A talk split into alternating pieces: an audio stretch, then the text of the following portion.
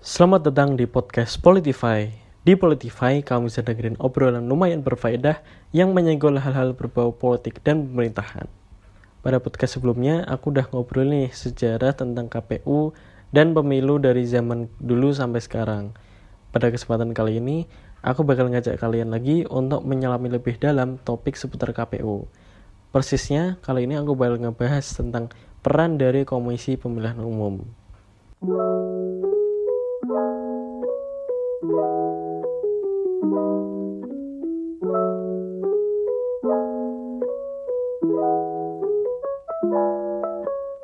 Sebagai negara yang menganut demokrasi, diselenggarakan pemilu adalah sebuah keniscayaan. Pemilu itu adalah peranata terpenting dalam negara demokrasi. Nah, peranata ini berfungsi untuk memenuhi tiga prinsip pokok demokrasi, yaitu kedaulatan rakyat, keabsahan pemerintahan, dan pergantian pemerintahan secara teratur. Ketiga prinsip ini bertujuan untuk menjamin, terjaga, dan terlaksana cita-cita kemerdekaan, mencegah bercokolnya kepentingan tertentu dalam pemerintahan, atau digantikannya kedaulatan rakyat dengan kedaulatan penguasa. Nah, untuk mewujudkan itu, KPU itu hadir sebagai penyelenggara pemilu yang bersifat nasional, tetap, dan mandiri. Sifat nasional artinya wilayah kerja dan tanggung jawab KPU sebagai penyelenggara pemilihan umum mencakup seluruh wilayah Indonesia. Kemudian, sifat tetap artinya KPU sebagai lembaga yang menjalankan tugas secara berkesinambungan meskipun dibatasi oleh masa jabatan tertentu. Dan yang terakhir sifat mandiri, yang artinya KPU dalam melaksanakan tugas dan perannya itu bebas dari pengaruh pihak mana pun. Nah, KPU itu punya banyak peran loh, terutama dalam memandu jalannya pemilu. Pertama nih, KPU berperan dalam melakukan sosialisasi politik. Baik KPU pusat, KPU provinsi maupun KPU kabupaten atau kota punya tugas untuk melakukan sosialisasi penyelenggaraan pemilu kepada masyarakat agar kesadaran hukum masyarakat itu meningkat dan juga memberikan pemahaman tentang hak dan kewajiban sebagai warga negara dalam melaksanakan pemilihan umum.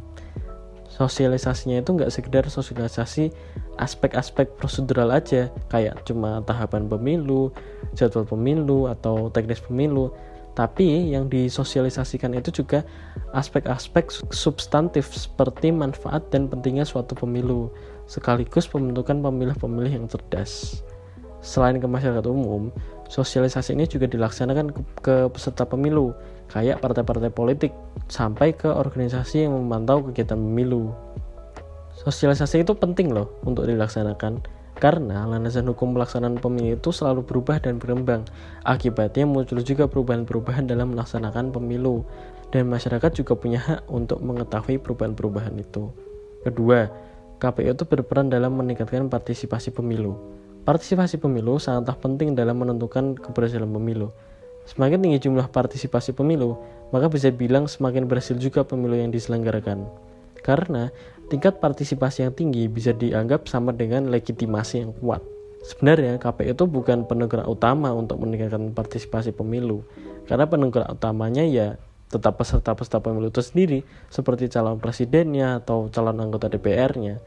Analoginya nih, pasti akan lebih banyak penonton di pertandingan MU lawan Liverpool kan ketimbang pertandingan West Ham lawan Norwich sama halnya kayak pemilu ketika peserta pemilu yang bertanding itu kualitasnya top pasti yang ikut pemilu juga banyak kan jadi KPU hanya berperan sebagai pendukung dalam meningkatkan partisipasi pemilu melalui berbagai kegiatan sosialisasinya Nah, dalam sosialisasinya, KPU itu akan memanfaatkan berbagai sumber daya sesuai dengan kearifan lokal yang ada di suatu daerah. Jadi, KPU akan membuat suatu strategi yang disesuaikan dengan karakteristik masyarakat setempat, sehingga bisa terbina sinergitas di antara KPU dengan masyarakat.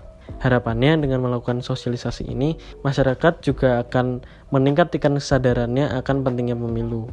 Dengan tingkat kesadaran tinggi, tingkat partisipasi pemilu juga akan terbantu menuju peningkatan. Ketiga, KPU itu berperan dalam penyediaan aksesibilitas. Aksesibilitas di sini juga termasuk aksesibilitas bagi warga negara yang menyandang cacat, karena KPU harus mewujudkan kesamaan kesempatan bagi tiap warga negara. Penyediaan aksesibilitas bagi penyandang cacat diupayakan berdasarkan kebutuhan penyandang cacat itu sendiri. Dan penyediaan aksesibilitas itu berupa fisik dan non-fisik, seperti sarana dan prasarana umum serta informasi yang diperlukan.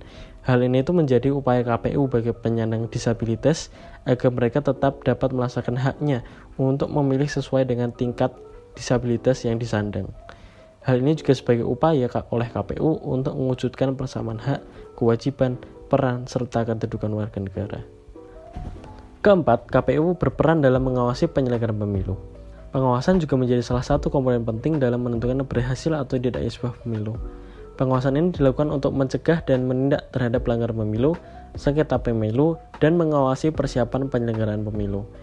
Dalam melakukan tugasnya ini, KPU itu nggak sendiri, karena KPU juga dibantu oleh Badan Pengawas Pemilu atau bisa disingkat Bawaslu dan Panitia Pengawas Pemilu atau Panwaslu yang bertugas menjaga pemilu terselenggara dengan demokratis secara luber jurdil.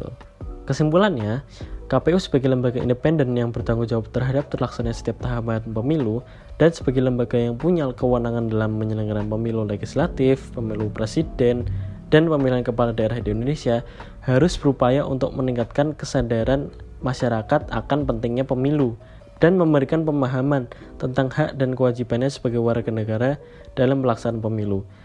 Sehingga partisipasi pemilu itu juga bisa meningkat. Nah, upaya yang dapat dilakukan KPU adalah dengan memperbanyak sosialisasi tentang pelaksanaan pemilu di semua tingkatan masyarakat Selain itu, KPU juga harus mengupayakan terlaksananya hak pilih bagi setiap warga negara, termasuk mereka yang menyandang disabilitas dan membutuhkan fasilitas khusus. Ngomong-ngomong nih, tadi aku juga udah sempat menyinggung kan kalau KPU itu nggak bekerja sendiri karena ada lembaga lain yang juga membantu kinerja dari KPU. Sebenarnya nih, KPU itu juga berrelasi dengan banyak lembaga loh, baik itu lembaga pemerintahan maupun lembaga NGO. Di podcast selanjutnya, aku bakal jelasin hubungan kelembagaan KPU dengan lembaga-lembaga lainnya. Pastinya penasaran kan? Jangan lupa buat dengerin podcast selanjutnya. See you!